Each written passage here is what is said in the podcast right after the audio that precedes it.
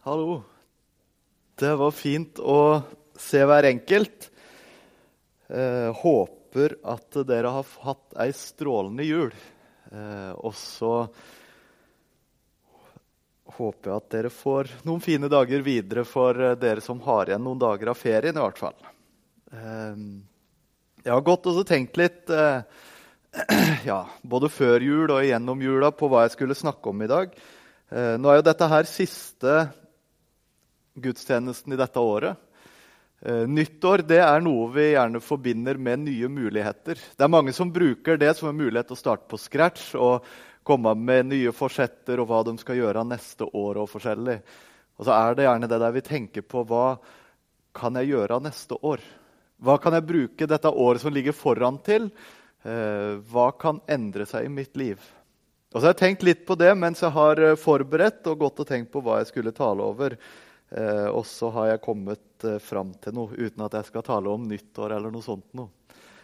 Eh, men vi skal be litt sammen først, i hvert fall. Kjære Herre Jesus, takk for at vi får samles i ditt navn i dag. Takk, Herre, for den tida vi har hatt nå. At vi har fått se du som kom til denne verden. Takk, Herre, for at det er det det handler om, det du har gjort for oss. Herre, så takker vi deg for det året som har gått. Du ser eh, gledene og sorgene og alt det vi har vært igjennom, Herre. Alt det som har eh, bevega seg og forandra seg i livet vårt.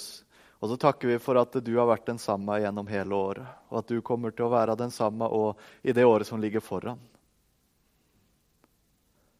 Herre, nå ber vi om at du velsigner de neste minuttene, at du møter oss der hvor vi er, og at du taler sånn som du vil, Herre. Kom med din ånd og åpne ordet for oss i ditt navn. Amen. Syrerkongen Ben-Hadad han har tatt med seg hæren sin og reist opp til Samaria. Og I lang tid så har de beleira byen der oppe. De har satt seg utafor bymuren, og folket der inne de kommer seg ikke ut. Og Det har gått så lang tid, og det har blitt så ille denne situasjonen for folket inne i Samaria at det har blitt stor hungersnød inne i byen der. De har ikke mat, og de skjønner at dette her går gærne veien.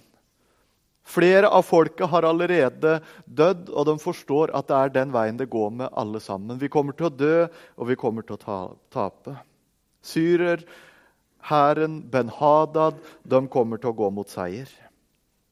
Vi skal lese en tekst som står i andre kongebok, kapittel 7.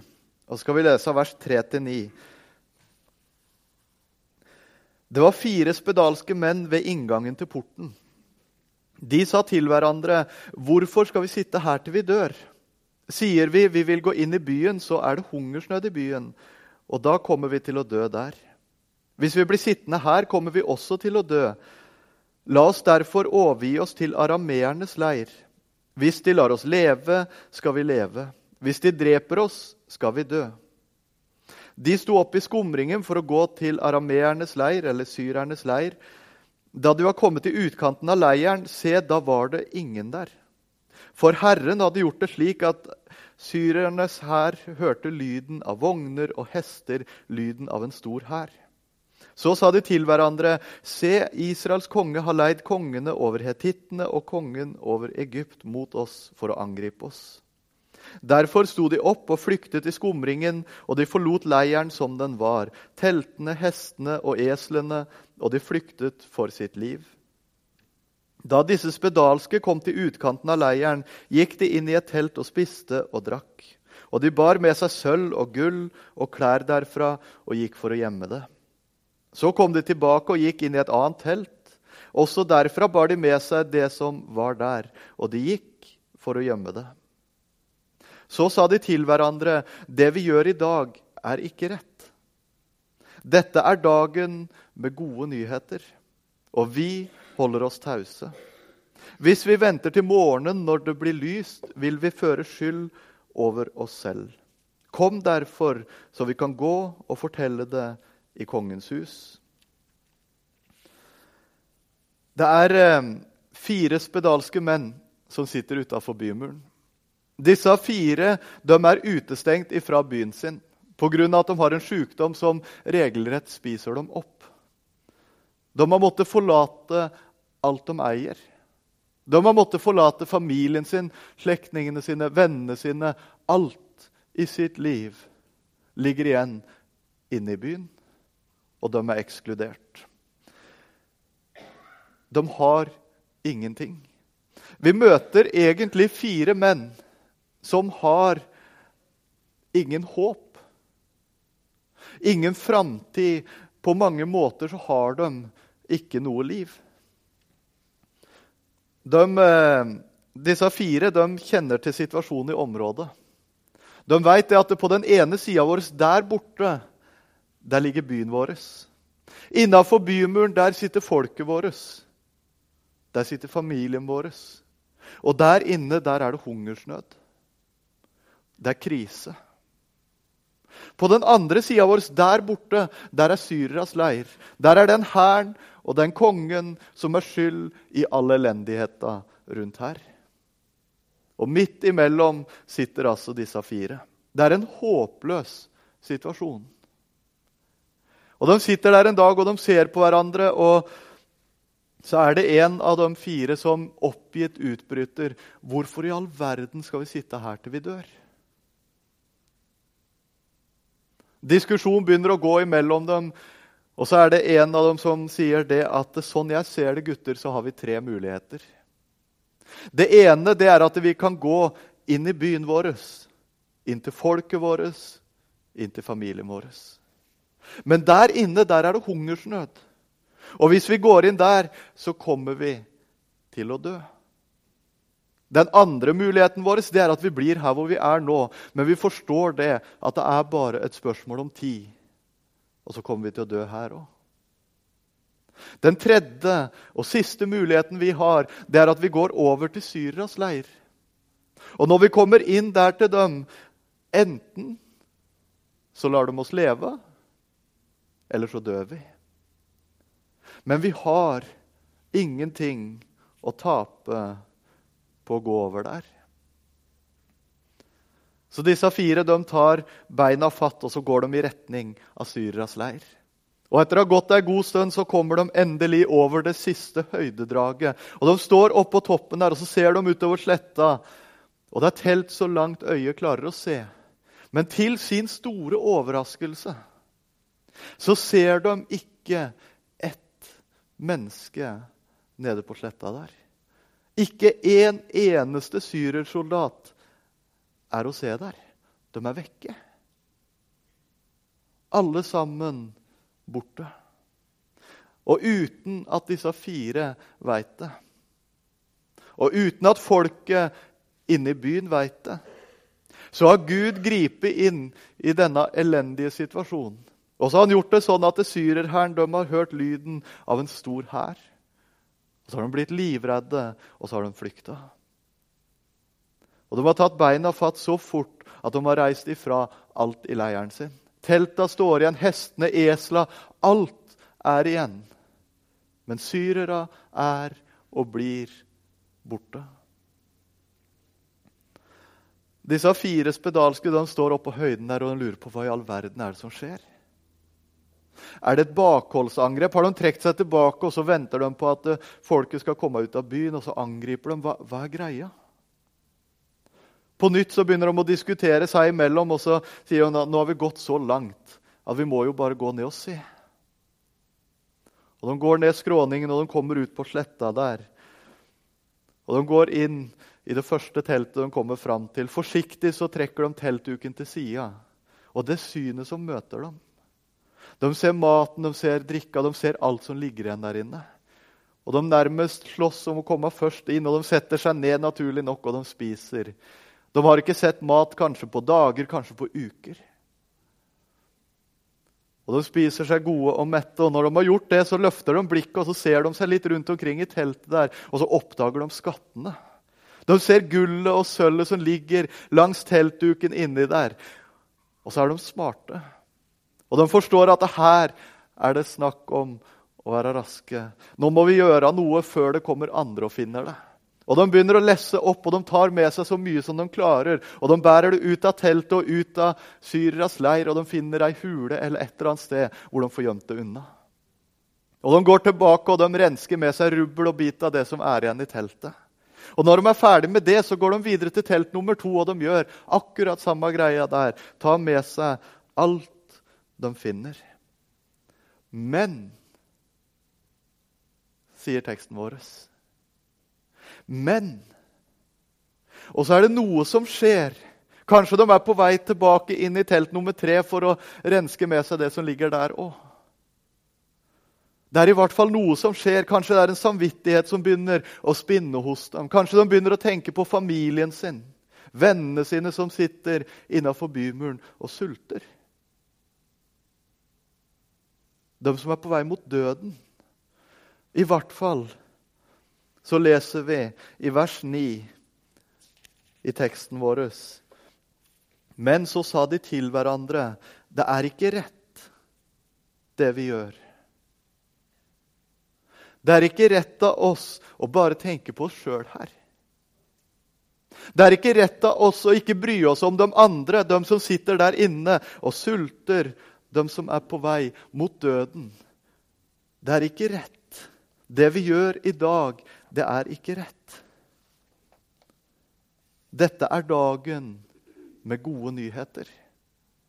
I en annen bibeloversettelse så står den setningen Dette er dagen da vi kan bringe et godt budskap. Dette er dagen da vi kan bringe et godt budskap. Hvis vi er stille om det som vi har funnet her, så kommer det skyld over oss. Om så vi bare venter til i morgen tidlig, så kommer enda flere inne i byen til å dø. Så kom nå. Og la oss melde det inne i kongens hus. Og Så kan du lese videre i andre kongebok 7. Og så leser du historia om fire spedalske menn som går inn i byen sin. Sannsynligvis så stiger frykten iblant folket der inne når de ser disse fire komme inn. Men de går rett inn i kongens hus, og de går rett inn til folket sitt, og de forteller om redninga.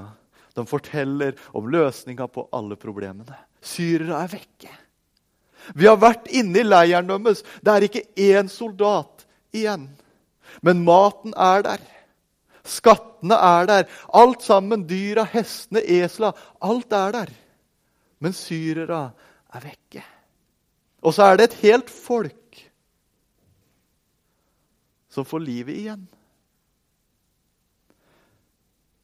Det at disse fire ikke kunne være stille om det de hadde funnet, det redda hele folket. Og tru meg, de kunne valgt å være stille. De kunne levd livets glade dager. Resten av sitt liv så kunne de sitte der og spist seg mette og hatt alt det de trengte, og de hadde hatt overflod av rikdom med alle disse skattene som syrere hadde lagt igjen. De hadde hatt hestene, eslene, de hadde hatt alt det de kunne tenkt seg. De kunne beholdt alt for seg sjøl. Men de visste at det er vårt ansvar å fortelle om dette her. Hvis ikke vi går inn i byen og sier det, hvem skal da gå?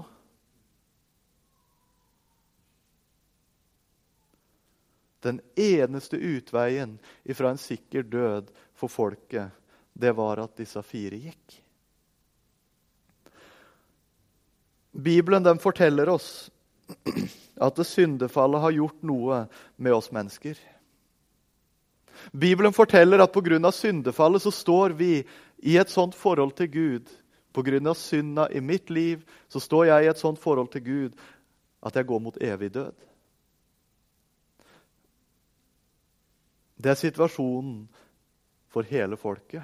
Mye likt det vi leser om i 2. kongebok 7, om folket i Samaria. Vi er på vei mot døden. Og så forteller Bibelen videre. For Heldigvis så stopper han ikke der, men han går et skritt videre og så sier Bibelen at den eneste løsninga på det problemet Han heter Jesus Kristus. Den eneste veien til frelse, den eneste veien til liv. Han heter Jesus. Og så er det mange mennesker gjennom historia som har fått del i det Jesus kan gi.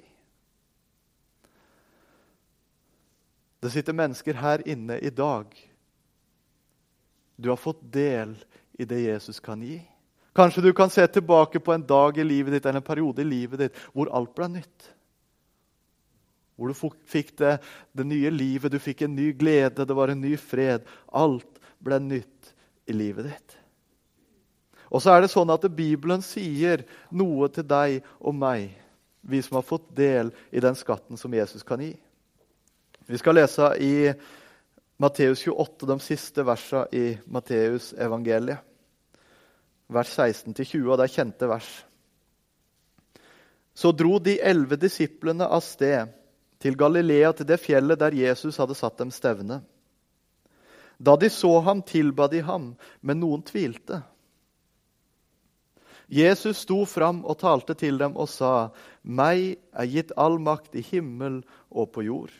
Gå derfor og gjør alle folkeslag til disipler, mens dere døper dem til Faderens og Sønnens og Den hellige ånds navn, og lærer dem å holde alt det jeg har befalt dere, og se, jeg er med dere alle dager inntil denne tidsalders ende. Gå ut, er det Bibelen sier til oss. Det er den oppgava som du og jeg som kristne har fått av Jesus. Gå ut og fortell om det dere har fått. Gå ut og fortell om det du eier i Jesus. Det er vårt ansvar å dele den skatten som vi har fått del i. Vi kunne gått til apostelgjerningene 4. Der kan du lese historia om eh, Peter som helbreder en lam tigger i Jesu navn. Og så skjer det som har skjedd så ufattelig mange ganger etterpå, når noen forteller om Jesus. Det blir bråk. Og Peter og Johannes de blir kasta i fengsel for dette her. Dagen etter så møter vi dem når Peter holder sin forsvarstale. Da sa Peter til dem, fylt av Den hellige ånd, folkets rådsherrer og Israels eldste. Hvis vi på denne dagen blir dømt for en god gjerning mot en hjelpeløs mann, på hvilken måte han er blitt lekt, så la det være kjent for dere alle og for hele Israels folk at det er ved ham, ved Jesu Kristi Nazarerens navn, han som dere korsfesta, men som Gud oppreiste fra de døde, at denne mannen står her frisk foran dere. Han er steinen som ble forkasta av dere bygningsmenn, men som er blitt hovedhjørnestein. Det er heller ikke frelse i noen annen.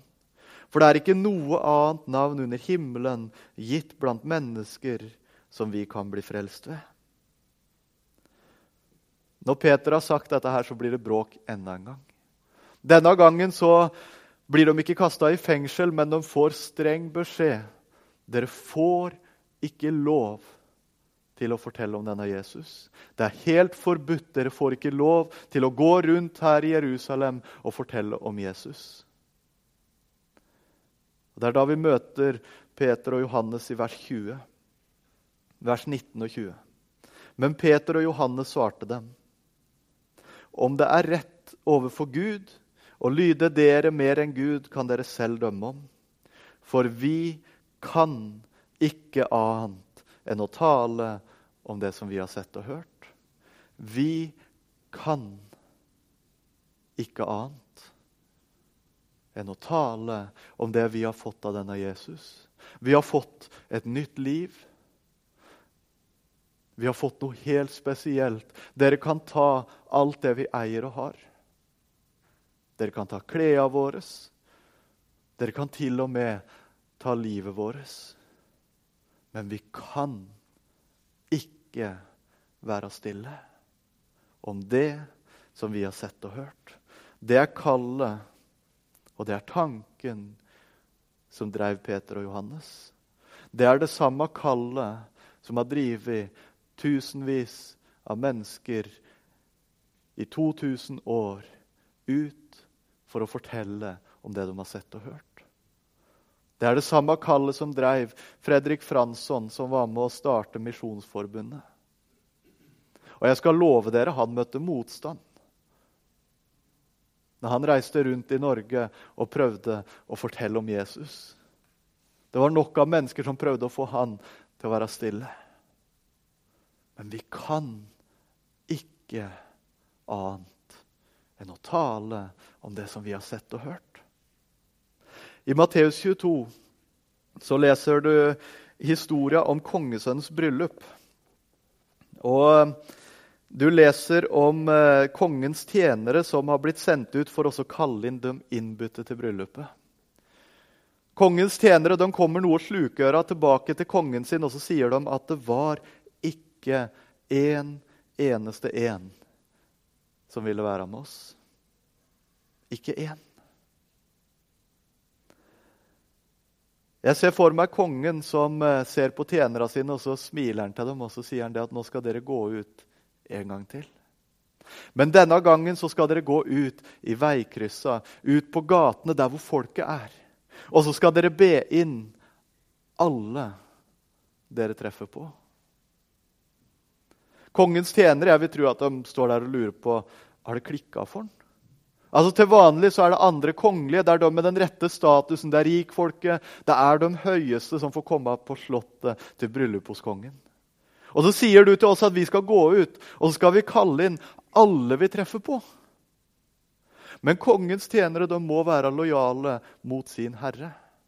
Og Så går de ut denne dagen og så steller de seg opp på veiene, i veikryssa, der hvor folket er, på torget. Og Så står de og roper ut. I dag er det bryllup på Slottet. Alt er ferdig. Alt er klart. Du som vil, du skal få komme til kongen til bryllup på Slottet i dag.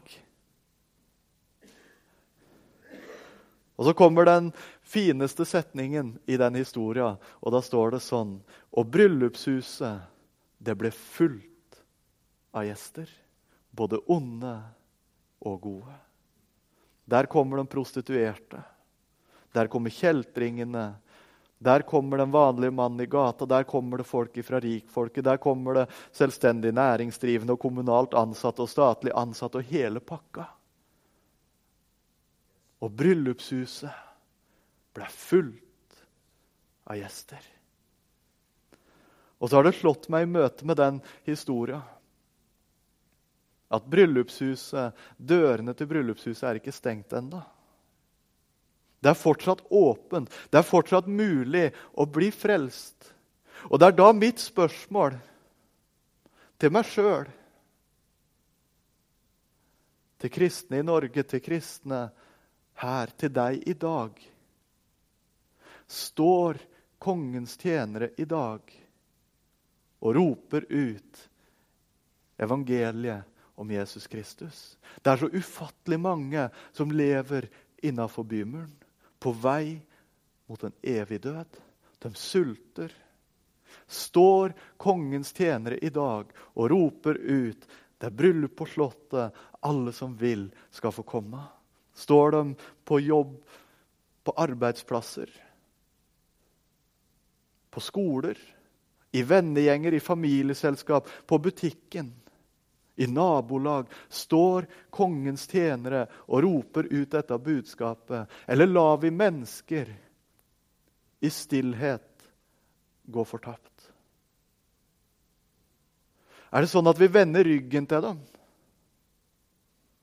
Når jeg møter dem i min familie som ikke kjenner Jesus, når jeg møter mine venner som ikke kjenner Jesus, og så er det så ufattelig mye lettere for meg og så heller snakke om fotballkampen i går.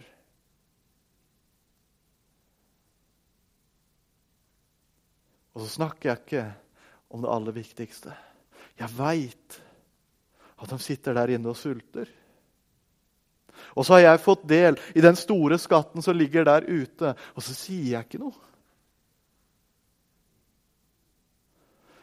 Vi kan ikke være stille om det som vi har sett og hørt. Vi har kommet inn i syreras leir. Vi har funnet alt. Vi sitter der i denne overfloden, og så godter vi oss. Og så tror jeg på den ene sida sett at det er rett. Du skal få være der inne i Syrias leir, i teltet der, i det du har fått av Jesus Kristus. Du skal få hvile der. Du skal få være der hver eneste dag av ditt liv og få leve i den overfloden. Du skal legge merke til at Problemet var ikke at disse fire gikk inn i teltet og spiste seg mette. Problemet var ikke at de la seg ned i rikdommen der og bada i penger. Problemet oppsto når de begynte å lesse opp og gjemme det vekk. Du skal få hvile i den overfloden som Jesus gir. Men samtidig så er det et kall som går til deg akkurat i dag. Dette er dagen da du kan få bringe et godt budskap. Det er ikke rett av oss å tie. Det er ikke rett av oss å sitte her inne og være oss sjøl nok. For den skatten du og jeg har fått del i, den er stor nok for alle mennesker. Den er stor nok for hele verden. Den er stor nok for hele Europa, hele Afrika, hele Asia. Stor nok for hele Norge. Stor nok for Stavanger. Stor nok for din familie. Og den er stor nok for deg. De som lever i synd, de som lever innafor bymuren, de sulter, og de er på vei mot døden. I dag kan du få bringe et godt budskap. I 1879 så var en av Londons mest kjente kriminelle, Charlie Peace, han var på vei mot galgen for å henges. Og så var skikken i eh, England på den tida at eh, når eh, en person skulle dit, så på vei mot galgen så gikk det en prest bak og leste opp ifra ei bønnebok. Blant annet så leste presten denne setningen. De som dør uten Kristus, kommer til helvete. Det er smerten ved å dø for evig uten utfrielse. Når Charlie Peace hører den setningen, så bråstopper han. Og Så snur han seg 180 grader rundt og så setter han øya i presten og roper ut. Tror du det? Tror du det? Presten, noe fortumla, kommer til seg sjøl og så sier han ja. Jo, jeg, jeg gjør jo egentlig det. Charlie Peace, fortsatt like bastant, roper tilbake. Ikke jeg. Ikke jeg. Men hvis jeg hadde trodd på det der, så ville jeg krabba over hele Storbritannia belagt med glasskår. Om jeg så bare fikk være med å redde én eneste en ifra det du akkurat fortalte meg. Og så må jeg stille spørsmålet er det min nød. Når jeg tenker på dem som lever innafor bymuren, når jeg tenker på dem som sulter, når jeg tenker på dem som er på vei mot døden, og når jeg tenker på det jeg eier i Jesus Kristus det jeg ganske enkelt har fått i gave av min frelser. Er min nød der at jeg er villig til å krabbe over hele Norge belagt med glasskår? Om jeg så bare får være med og redde en eneste en. I dag er dagen da vi kan få bringe et godt budskap. Et budskap om liv. Et budskap om fred. Det er så ufattelig mange som fortsatt lever innafor bymuren. Det er så ufattelig mange som er på vei mot døden. Og så sitter vi her, og så har vi fått den store skatten. Og så har du fått del i sjølve livet. Så er det to ting jeg vil at du skal huske på. For det første, du skal få hvile der. Du skal hver eneste dag av ditt liv få bade i den rikdommen som Jesus har gitt deg. Du skal få spise deg mett. Du skal få ha alt det du trenger hver eneste dag. På alle måter og i alle ting. Du skal få hvile hos Jesus. For det andre du har fått et kall om å dele den skatten videre. Det er mange måter å gå på. Det kan være å gå inn, folde hendene dine og be. Og be for noen du veit at de skulle fått møtt Jesus. Det kan få være å gå til telefonen din, slå et nummer og si noe til noen som du veit de trenger å få høre noe om Jesus. Det kan være å pakke bagen og reise til en annet land, en annen verdensdel. Det kan være å gå ut av ytterdøra og gå til naboen og fortelle jeg har noe som du trenger å få høre. Jeg har noe jeg ønsker å gi til deg. Jeg har noe som ligger åpent for deg. Det er et kall. I dag er dagen da du kan få bringe et godt budskap. Kjære Herre Jesus, takk for at det er sant. Takk, Herre, for at du ikke bare har den store skatten, men du er den store skatten. Takk, Herre, for eh, at den ligger åpen og fri og gratis for alle som ønsker å ta imot. Takk, Herre, for at jeg har fått ta imot den skatten. Takk for hver enkelt her inne som har fått del i den skatten som bare du kan gi. Herre, så ser du alle de menneskene som lever innafor bymuren og fortsatt er på vei mot døden. Og så ber vi deg, Herre, om at du må gå til dem. Og så ber vi Herre om at du må sende mennesker til dem. Og så ber vi Herre om at du må sende oss til dem. At vi må si det samme som Peter og Johannes sier, at vi kan ikke være stille. Dere kan ta alt det vi eier og har. Dere kan til og med ta livet vårt, men vi kan ikke være stille. Herre, må du gjøre det sånn at uh, enda flere får høre om deg, og at enda flere får ta imot deg. Og så ber vi når vi går inn i et nytt år, om at du må virke her i denne menigheten, her i denne kjerka. Og vi ber deg her om at du må virke i denne byen. For vi veit at du er mektig til det. Vi veit at du fortsatt er den du alltid har vært. Og vi veit at du har evangeliet. Og vi ber deg, Herre, om at du må la store ting skje i 2019. I ditt navn ber vi. Amen.